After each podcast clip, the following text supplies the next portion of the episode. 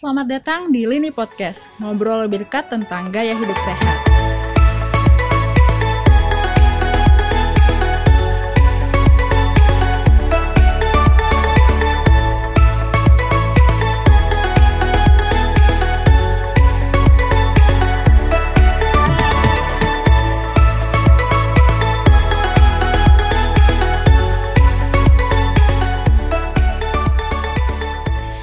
Sobat Sehat, kembali lagi bersama saya Suci Augina. Senang sekali bisa berjumpa dengan Sobat Sehat semua. Istilah autofagi kini semakin populer sejak penelitinya meraih hadiah Nobel. Nah, kali ini kita akan membahas bagaimana cara meningkatkan autofagi ini. Adakah makanan dan kegiatan khusus untuk meningkatkan autofagi? Saat ini telah hadir bersama kita narasumber yang sudah pastinya tidak asing lagi, yaitu Profesor Dr. Harin CMS, Guru Besar Ilmu Gizi FEMA IPB University, Ketua Umum Asosiasi Institusi Pendidikan Tinggi Gizi Indonesia, dan juga Ketua Umum Perhimpunan Pakar dan Gizi Pangan Pergizi Pangan Indonesia. Selamat datang Prof. Hardin, apa kabar Prof? Kabar baik. Kak Suci apa kabarnya? Baik juga Prof. Baik, ya. Makasih. Iya, nah eh, episode kali ini kita akan membahas tentang makanan dan kegiatan meningkatkan autofagi nih Prof. Ya, Nah mungkin beberapa teman sehat ini belum tahu nih Prof apa sih itu autofagi. Nah, Iya. Bisa Prof Hardin jelaskan dulu Prof. baik. Jadi eh, autofagi eh, dua kata itu ya. Satu auto artinya sendiri, fagi, fagus, fagasum artinya eh, memakan. Eh, jadi memakan sendiri, autofagi. Kenapa dibilang memakan sendiri? Karena di dalam sejarah eh, ditemukannya eh, proses eh, ini oleh seorang eh, ahli apa biologi kalau nggak salah dulu di eh, Spain di Eropa sana karena dia melihat ada sel yang memakan sel gitu ya. Ada sesuatu memakan sesuatu di dalam tubuh kita ini. Yang kemudian eh, sekian puluh tahun kemudian ya tahun apa ya kurang lebih 15 20 tahun yang lalu eh, ada lagi yang menemukan bahwa proses sa- saling memakan ini ternyata ada pemicunya gitu. Bukan karena asal memakan saja. Yang mereka semua dapat hadiah Nobel gitu ya karena riset dan prestasinya tadi. Jadi eh, di dalam tubuh kita ada suatu mekanisme bahwa eh, sel-sel yang sudah loyo sudah menua sudah eh, nggak produktif ataupun ada sel-sel yang diperkirakan ini bakal mengganggu jahat ya. Eh, atau ada benda-benda asing tidak hanya sel ada benda-benda asing maka ini harus dibersihkan. Karena sering juga dikatakan autofagi itu eh, bersih-bersih lah. Atau kalau rumah tadi ya ada pekerja petugas yang kerjanya membersihkan sampah dibuang gitu ya. Tapi dia tidak seperti sekedar membuang. Dia prinsipnya seperti eh, dia udah mengenal istilah sustainable development ya. Pembangunan berkelanjutan. Dia recycle, itu Recycle. ya. Jadi sebelum ada ilmu di lingkungan eh, reduce reuse recycle tubuh kita sebenarnya itu udah ciptaan Tuhan udah melakukan Hmm. eh, prinsip-prinsip pembangunan berkelanjutan di dalam tubuh kita Jadi autofagi prosesnya selain membersihkan tapi juga mendaur ulang ya. Iya, yang- membersihkan dan mendaur ulang ya. Jadi kalau ditanya di autofagi apa, ya sesuatu eh, senyawa sel memakan sel atau senyawa yang lain dalam rangka kebaikan. Kebaikannya tadi bersih-bersih dan menghasilkan zat gizi baru bagi tubuh, di recycle. Nah, Prof, eh, apakah orang yang kelaparan ini mengalami proses autofagi ini, Prof? Ya, jadi eh, tadi eh, proses itu kan ada zat yang memakan ya, yang disebut dengan fagasome namanya. Nah, fagasome inilah yang seperti tentakel gini ya. Hmm. Dia kalau kita eh, apa itu namanya ya? Eh, apa binatang yang gini? Eh, kepiting. kepiting ya. Jadi dia eh, cari ya Hah? terus dia masuk lumat. Ah, ah. Nah, di dalam ini ada namanya lisosom enzim yang menghancurkan. Jadi dia tangkepin, kemudian dihancurin oleh lisosom, kemudian di recycle gitu ya, dikirim lagi ke sistem eh, metabolisme tadi tubuh kita. Nah, apakah orang kelaparan tadi eh, mengalami otofagi? Ya, pertama tergantung eh, sifat eh, kelaparannya tadi ya. Kalau kelaparannya tadi awal-awal kelaparan, tentu iya. Pasti orang tadi katakan misalnya ada cerita orang yang tertimbun di bangunannya runtuh selama sekian hari masih hidup ya. Itu pasti berarti terjadi otofagi selagi dia tidak kurus kerempeng. Karena kan berarti otofagi ini ada zat yang memakan, ada zat yang akan dimakan. Kalau nggak ada lagi yang akan dimakan, nggak nggak terjadi dia kan.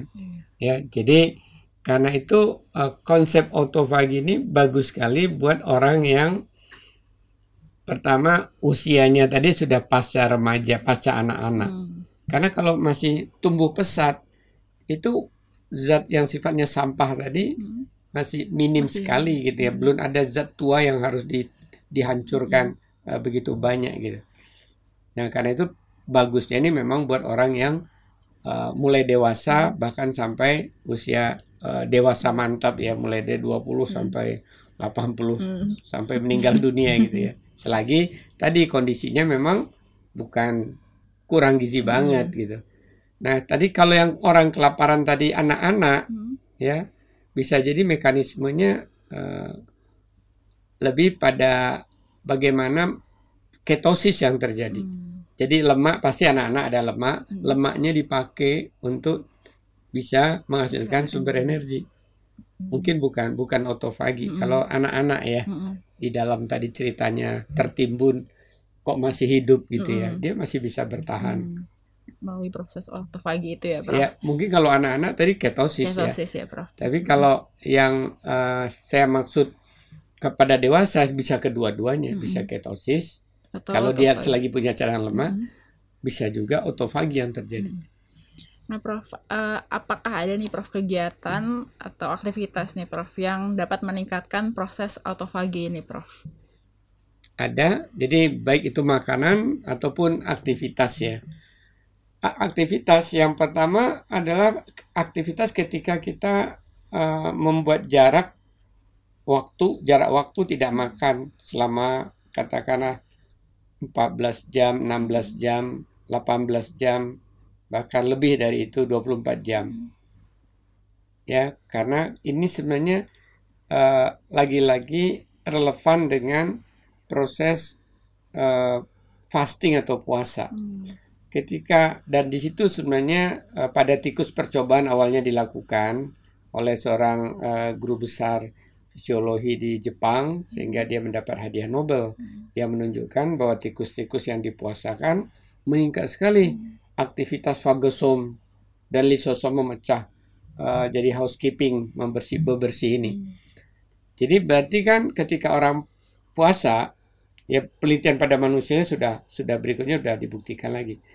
Terjadi kekurangan salah satunya zat gizi makro ya kekurangan glukosa kekurangan glikogen. Berikutnya lagi dibutuhkan glukosa dari pemecahan lemak. kan cadangan nah ketika itu terjadi eh, otak memberi eh, sinyal eh kita ini dalam keadaan darurat cadangan makanan habis, glukosa di darah udah menipis sekali, kamu nanti bisa bisa pingsan gitu ya.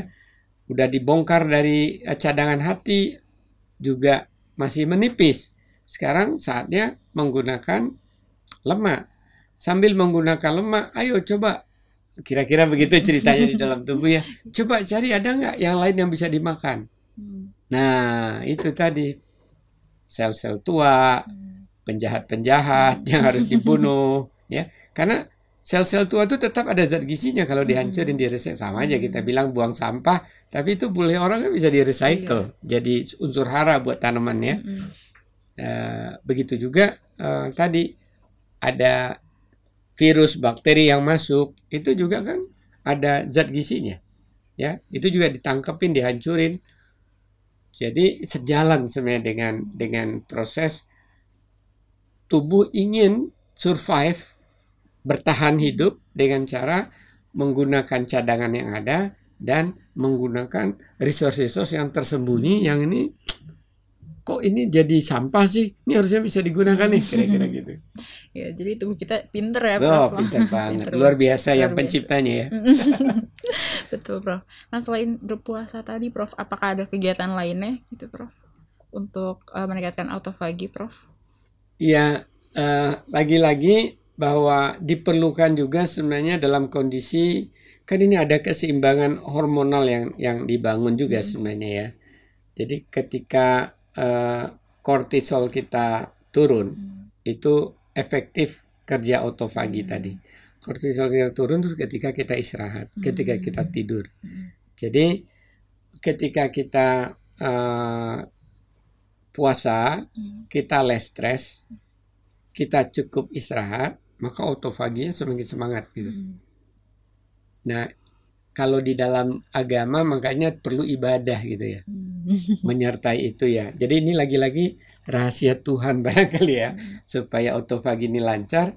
Orang padahal ibadah itu gunanya untuk kita juga pahalanya kan, bukan untuk Tuhan Iya, ya. Nah, untuk tadi itu kan kalau orang ibadah pasti nggak nggak stres ya. Hmm. Kalau orang lagi ibadah stres itu orang gila barangkali. ya. Iya. Jadi, nah itu sejalan kan konsep itu jadinya. Jadi di samping tadi eh, diatur eh, jarak makan sehingga terjadi proses pemecahan lemak tadi dan itu bisa 14-16 jam bahkan itu baiknya berkali-kali maka muncullah konsep intermittent fasting dari sini kan Hmm. karena orang nggak kuat tiap hari kecuali yang puasa Ramadan kan Iya. kadang berselang ya sehari puasa sehari Hmm. enggak atau dia cari Senin Kemis dan sebagainya gitu ya yang yang bukan berbasis eh, religi maksud Bapak. Nah, Prof, eh, jenis puasa apa sih, Prof, yang dapat eh, mengaktifkan autofagi ini, Prof? Ya tadi nggak nggak bisa mm, jenis puasa sembarangan ya misalnya seperti kalau masa anak-anak ingat nggak dulu ya karena ingin hadiah ya oke puasa setengah hari Iya. gitu. itu dan memang anak-anak nggak memerlukan autofagi ya dia Hmm. masih dalam pertumbuhan dan juga bahkan nggak diwajibkan ya Hmm. puasa tapi eh, istilahnya puasa separuh hari seperempat hari itu nggak menimbulkan karena apa karena masih ada cadangan eh, glikogen yang yang digunakan belum sampai pada titik di mana harus menggunakan cadangan lemak dan efisiensi penggunaan sumber daya namanya eh, house eh, apa pembersihan rumah tadi ya ya housekeeping ya Eh, berarti jenis puasanya apa nih, Prof, yang I- bagusnya? Ya puasa yang jaraknya itu paling tidak ya 14 jam. Eh, kemudian sahurnya tidak banyak, Hmm. sekedar saja karena 14 jam kalau sahurnya banyak eh, nggak terjadi karena masih punya eh, Hmm. apalagi eh, udah punya cadangan yang banyak ya. Hmm. Dalam arti cadangan glikogen gitu ya. Sebelum-sebelum puasa dia masih cadangan glikogen kita bisa 4 jam, 6 jam masih masih punya. Berarti eh, Dan itu dilakukan Ah, berkali-kali. ah, berkali-kali. Nggak bisa sekali aja jadi gitu ya. Hmm. Berarti perlu dilihat durasinya Ya. juga. Ya makanya kalau di puasa Ramadan kan orang kadang-kadang udah 30 hari nggak merasakan manfaatnya ya. ya karena itu tadi sahurnya gede, Hmm. berbukanya gede gitu ya. Kenyang gitu ya. Eh, ibadahnya barangkali bolong Hmm. gitu kan. Terus siang hari marah-marah misalnya kan nggak jadi. bisa nggak nggak nggak terjadi itu Hmm. tadi karena dia memerlukan tadi less stress. Hmm, atau sepanjang hari tidur aja gitu ya. Atau sebaliknya ya. Iya, sebaliknya gitu. Nah, eh, Prof, eh, pada kondisi seperti apa sih, Prof, eh, autofagi ini itu berfungsi dengan baik gitu? Pada kondisi puasa seperti apa, Prof? Autofagi ini berfungsi sebagai eh, dengan Ya. baik. puasa yang menjadikan uh, di dalam tubuh kita terjadi ketosis pemecahan lemak Mm-mm. dari cadangan lemak tadi. Nah, itu tadi bisa dilihat dari defisit energi. Jadi kalau kita nggak terjadi kekurangan energi, maka cadangan tadi nggak di cadangan tadi nggak dipakai. Artinya apa? Kita uh, defisit atau kekurangan energi tadi ketika sahur kita sedikit atau mungkin hanya minum air putih saja. Makan malamnya juga nggak nggak banyak. Nah maka terjadilah defisit. Defisit berarti cadangan dari uh, hati kita yang sifatnya tadi glikogen mungkin hanya sampai jam 12 siang. Setelah itu mulailah terjadi peralihan sumber energi ke keton tadi ya. Hmm. Yang intinya sebenarnya uh, sumber energi lemak tadi bisa di, digunakan setelah gula darah kita menurun, berarti insulin kita menurun. Hmm. Berbarengan itu. Karena kalau glukosa kita naik pasti insulinnya meningkat karena ini harus digunakan untuk cadangan ataupun ya. untuk uh, disimpan eh disimpan sebagai glikogen atau sebagai lagi disimpan sebagai lemak. Hmm. Nah, itu kondisi-kondisinya. Satu defisit hmm. energi, insulinnya turun, hmm. kemudian uh, glikogennya sudah mulai menipis, switch kepada namanya ketosis terlalu keren kali ya. Pokoknya itu pemecahan lemak. Cadangan. Ya. Jadi pada kondisi tersebut ya, Prof. Hmm. Nah, Prof, uh, sekarang membahas tentang makanan nih, Prof. Hmm. Apakah ada makanan uh, yang dapat meningkatkan proses autofagi ini, Prof? Ada dari berbagai penelitian ya. Ini mirip juga dengan makanan makanan-makanan yang meningkatkan uh, lemak coklat ketika kita bahas episode uh, makanan ya, apa yang meningkatkan lemak coklat ya, seperti uh, kopi yang ada hmm. kafeinnya uh, teh hijau hmm. yang ada uh, katechin dan galactocachinnya, kemudian juga uh, apa namanya tuh kalau di India itu populer banget ya buahnya merah merah delima ya. Delima, yep. Ya buah delima hmm, ngerti kan ya hmm, yang banyak yang uh, di dalamnya bulir-bulir bulir merah itu juga uh, uh, meningkatkan uh, hmm. autofagi. Uh, apa bumbu-bumbu ya hmm. bawang putih, hmm. jahe, hmm. uh, apa yang kuning kunyit, kunyit. lengkuas hmm. ya hmm. itu bumbu-bumbu yang buat uh, bangsa Asia ya mulai dari India, Pakistan, Bangladesh, Malaysia, Indonesia terutama Barat hmm. itu populer banget tuh ya di dalam berbagai masakan uh, gulai ya hmm. sampai ke Indonesia Tengah. Jadi uh, itu turut meningkat. Termasuk juga yang medium change uh, triglyceride MCTs ya yang banyak di virgin coconut oil di dalam santan. Ya, termasuk juga uh, yang ikut memicu otofagi omega 3. Hmm. Sama mirip dengan yang mirip dengan memicu brown fat uh, lemak coklat. Hmm. Kemudian juga olive oil, minyak zaitun ya uh, turut uh, memicu itu tadi. Kalau dari sisi vitamin ada vitamin D ya. Hmm. Itu, itu juga memicu otofagi. Kemudian ada jenis makanan juga uh, apa itu? Mushroom itu cendawan, jamur ya. jamur. jamur ya. Uh, ikut memicu otofagi. Kemudian uh, aktivitas juga yang sifatnya uh, kita pasif tapi dilakukan apa ya akupunktur ya akupunktur ya akupunktur ah. akupressure mm -hmm. yang sifatnya ada titik-titik saraf mm -hmm. yang diaktifkan bisa dengan jarum bisa dengan kayu mm.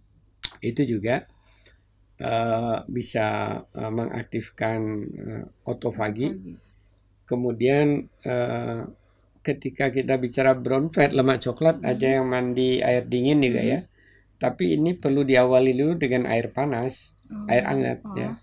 Mandi air hangat kemudian mandi air dingin. Jadi prinsipnya mirip dengan brown fat. Ada kejutan yang dibuat oh. ya. Hangat, hmm. sudah tuh guyur air dingin menggigil. itu bisa meningkatkan meningkatkan autofagi. Ya. Ya, jadi, Dan kalau di Jepang lagi populer sekarang itu ya namanya uh, herbaric oksigen terapi. Jadi terapi herbaric. oksigen ya. Orang hmm. masuk ke dalam suatu ruangan yang oksigennya banyak kalau Hmm. kalau normal saja kan oksigen 20% ya. Hmm. Udah tercampur dengan CO2 ya dan dengan sebagainya. nitrogen, yang Nitrogen. banyak ya. Nah, kalau ini khusus eh, ya bukan orang yang itu yang kena Covid juga dilirin oksigen ya. Tapi khusus Hmm. eh, eh, ada ruang terapi oksigen itu lagi populer dan ternyata juga bisa buat awet muda katanya. Ah, Dipercaya di Jepang sekarang tuh. yang sedang Nah, jangan- biasanya nggak lama lagi tuh masuk ke Indonesia. Biasanya tren-tren di Jepang, Korea ya. Iya betul. Mungkin karena pandemik aja sekarang Iya. barangkali belum. Jadi terlambat mungkin ya Prof. Heeh. Ah, jadi banyak makanan juga ya Prof yang di sekitar kita yang bisa meningkatkan proses Iya. autofagi. Dan gak beda jauh juga ya Prof dari yang eh, lemak coklat gitu. Iya. Makanan Jadi sekaligus sebenarnya ya, Iya, sekali. ketika kita ingin meningkatkan lemak coklat, Mm. juga sebenarnya sejalan meningkatkan autofagi. Jadi eh, kalau orang bilang banyak eh, jalan ke rumah, sebenarnya ini satu jalan bisa nyampe ke rumah ya. Maksudnya eh, satu jalan bisa untuk hidup sehat. Ya Mm. jalurnya brown fat tadi, Mm. jalurnya autofagi autofagi. bisa berbarengan gitu ya Prof Mm. bersamaan. Nah Prof eh, terakhir nih apakah ada pesan untuk sobat sehat eh, di rumah yang sedang menonton episode kali ini terkait topik kali ini Prof? Ya, eh, saya diajak Kak Suci eh, ngobrol-ngobrol eh, tentang makanan dan kegiatan yang eh, makanan kegiatan apa yang bisa meningkatkan eh, autofagi. Autofagi ini eh, suatu proses di mana eh, fagosom, sel-sel tertentu yang didesain di dalam tubuh kita itu bisa eh, memakan dan menggunakan eh, dan memecah zat-zat lain dan sel-sel lain yang sudah tidak berguna dan juga mungkin potensi akan buat kejahatan kepada eh, sel yang lainnya dilumat, dihancurkan dan direcycle. Yang saya katakan tadi ada prinsip sustainable development di dalam tubuh kita gitu ya.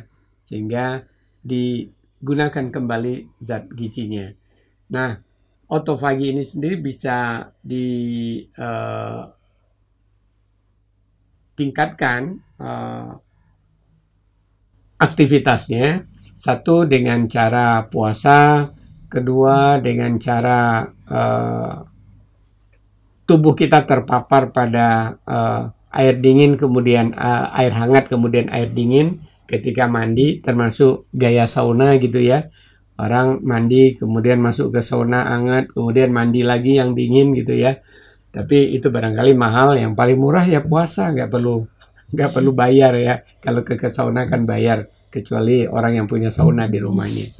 Kemudian yang nggak bayar lagi ya tidur dan less stress tapi nggak sepowerful yang puasa kalau puasa kemudian dia tidur cukup dan less stress akan lebih dahsyat lagi Kemudian ada lagi makanan-makanan yang memicu tapi nggak se- secanggih dampak dari puasa ya, tapi tetap uh, meningkatkan autofagi. Ya, ada seperti juga meningkatkan lemak coklat. Ya, kopi, teh hijau, kemudian uh, minyak omega 3, maksudnya tadi minyak ikan ya, omega 3, kemudian uh, minyak kelapa eh, perawan virgin coconut oil MCTs kemudian olive oil kemudian berbagai jenis bumbu ya mulai dari kunyit lengkuas jahe eh, bawang putih ya, yang kalau kita makan sekaligus sebagai eh, enaknya makanan yang kita konsumsi itu juga turut eh, meningkatkan autophagy Eh, baik, terima kasih Prof Hardin Mm. atas sharing ilmunya dan juga diskusinya hari ini. Itulah tadi diskusi bareng Prof Hardin. Banyak banget manfaat dan ilmu yang bisa saya dan Sobat Sehat dapatkan terkait topik makanan dan kegiatan meningkatkan autofagi. Sobat Sehat semua, jangan lupa untuk tetap ikutin Lini Podcast dan berbagai video menarik lainnya terkait gaya hidup sehat di YouTube Lini Sehat. Jangan lupa share, like, dan subscribe, serta nyalakan lonceng notifikasi agar kamu tidak ketinggalan video terbaru dari Lini Sehat. Tetap jaga kesehatan di mana pun Sobat Sehat berada. Stay safe and healthy. Sampai jumpa.